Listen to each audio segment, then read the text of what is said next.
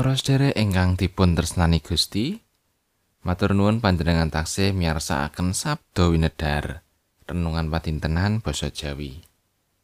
Monggo ing kaludhangan menika sesarengan kita maos kitab suci lan kita kekilut ing salebeting manah. Kita ndedonga langkung rumiyin. Duh Gusti Allah Rama kawula kasuwargan. Kawula para abdi kagungan paduka, sowan marek ing ngarsa paduka. Ngaturaken agunging panuwun syukur. Awit sedaya berkah pangrimat paduka ing sauruting gesang kawula. Kawula ugi ndongaaken sederek-sederek kawula ing papan pundi kemawon. Mugi paduka ugi berkahi paring kesarasan kawilujengan kados dene kawula ing mriki. Sakmenika kawula nyawisaken manah kawula saperlu nampeni sabda pangandika paduka. Mugi roh suci nyagetaken kawula nampeni mangertosi so nindakaken menapa ingkang dados kersa paduka. Kathah dosa kalepatan kawula do Gusti, mugi Gusti paring pangaksami. Wonten ing asmanipun Gusti lan juru wilujeng kawula Gusti Yesus Kristus kawula ndedonga. Amin. Wawasan kapendet saking lelakone para rasul bab 3 likur ayat 12 ngantos 12 likur. Bareng wis raina, wong-wong Yahudi nganakake komplotan lan sumpah kelawan nyupatani awake dhewe.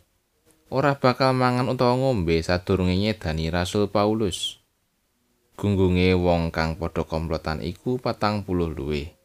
Iku padha nemoni para pangareping imam lan para pinituane bangsa Yahudi lan pratela. Kula sampun sami sumpah kalayan nyupaosi badan kula piyambak mboten badhe nedha utawi ngombe saderengipun mejahi Paulus. Awit saking menika mugi panjenengan sedaya kesesarengan kalian pradata agami kersa ngaturi rembak dhateng pengagenging prajurit supados ngladosaken Paulus dhateng ing ngarsa panjenengan malih. Kados-kados panjenengan badhe mriksa prakawisipun ingkang langkung teliti.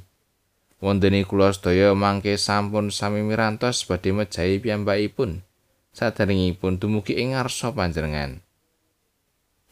Nanging kapunakane Rasul Paulus, putrane kang raine putri, krungu bab rancangan cegatan iku lan banjur menyang beteng. Bareng wis diparengake mlebu, nuli matur bab mau marang Rasul Paulus. Rasul Paulus tumuli ngaturi sawijining opsir lan matur. Lare menika kawula aturi nyuwanaken dhateng ing ngarsaning pengagengipun prajurit. Jalaran wonten perkawis ingkang perlu dipun uningaken ing panjenenganipun. Opsir iku banjur nyuwanake bocah mau menyang ing ngarsane panggedhening prajurit lan matur.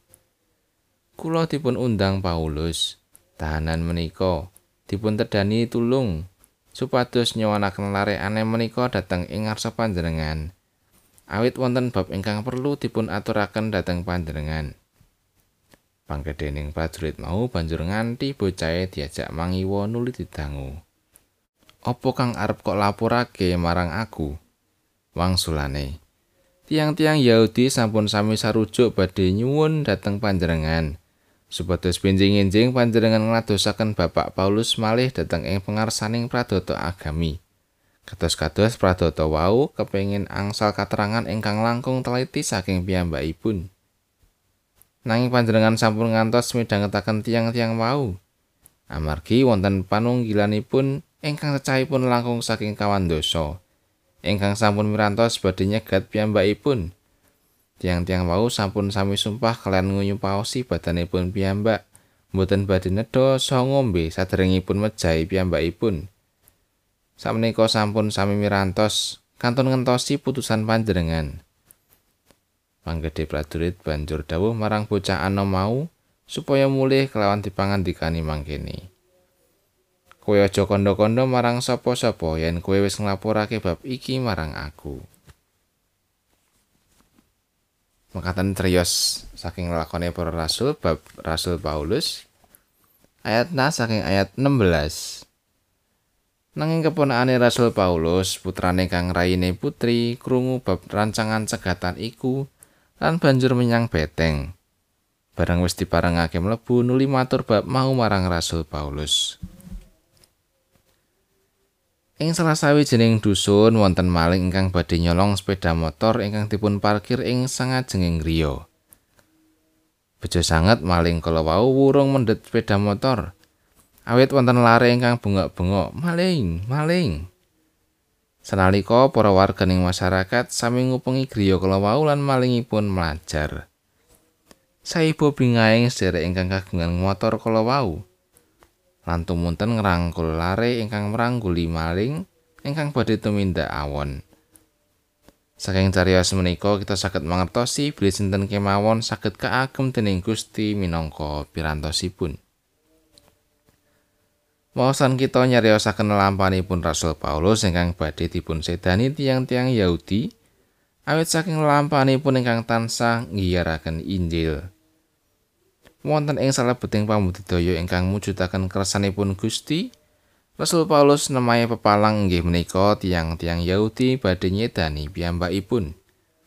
Kirang langkung piantun sekawan dosa sami sumpah mboten badhe dahar lan ngunjuk saderengipun Paulus pecah rancangan menika dipun mangertosi dening ponakanipun Rasul Paulus lan matur dhateng obsir pakunjaran supados rancangan awan menika dipun wurungaken Kanthi wicaksana obsir pakunjaran menika lajeng ngudaneni menapa ingkang dipunaturaken dening ponakanipun Rasul Paulus.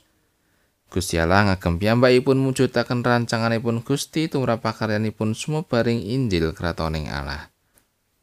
Sinten kemawon saged dipun agem dening Gusti kangge mujudaken rancangan tuwin karsanipun Gusti ingkang endah.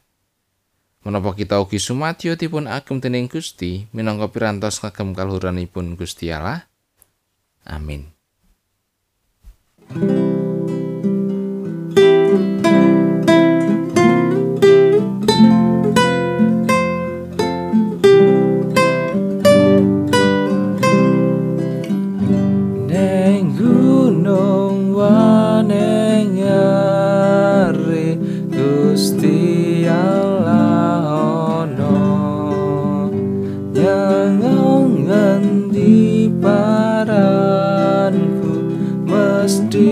ana uga endikan dadi cipto lan usi ingati kabeh mesti kapirsan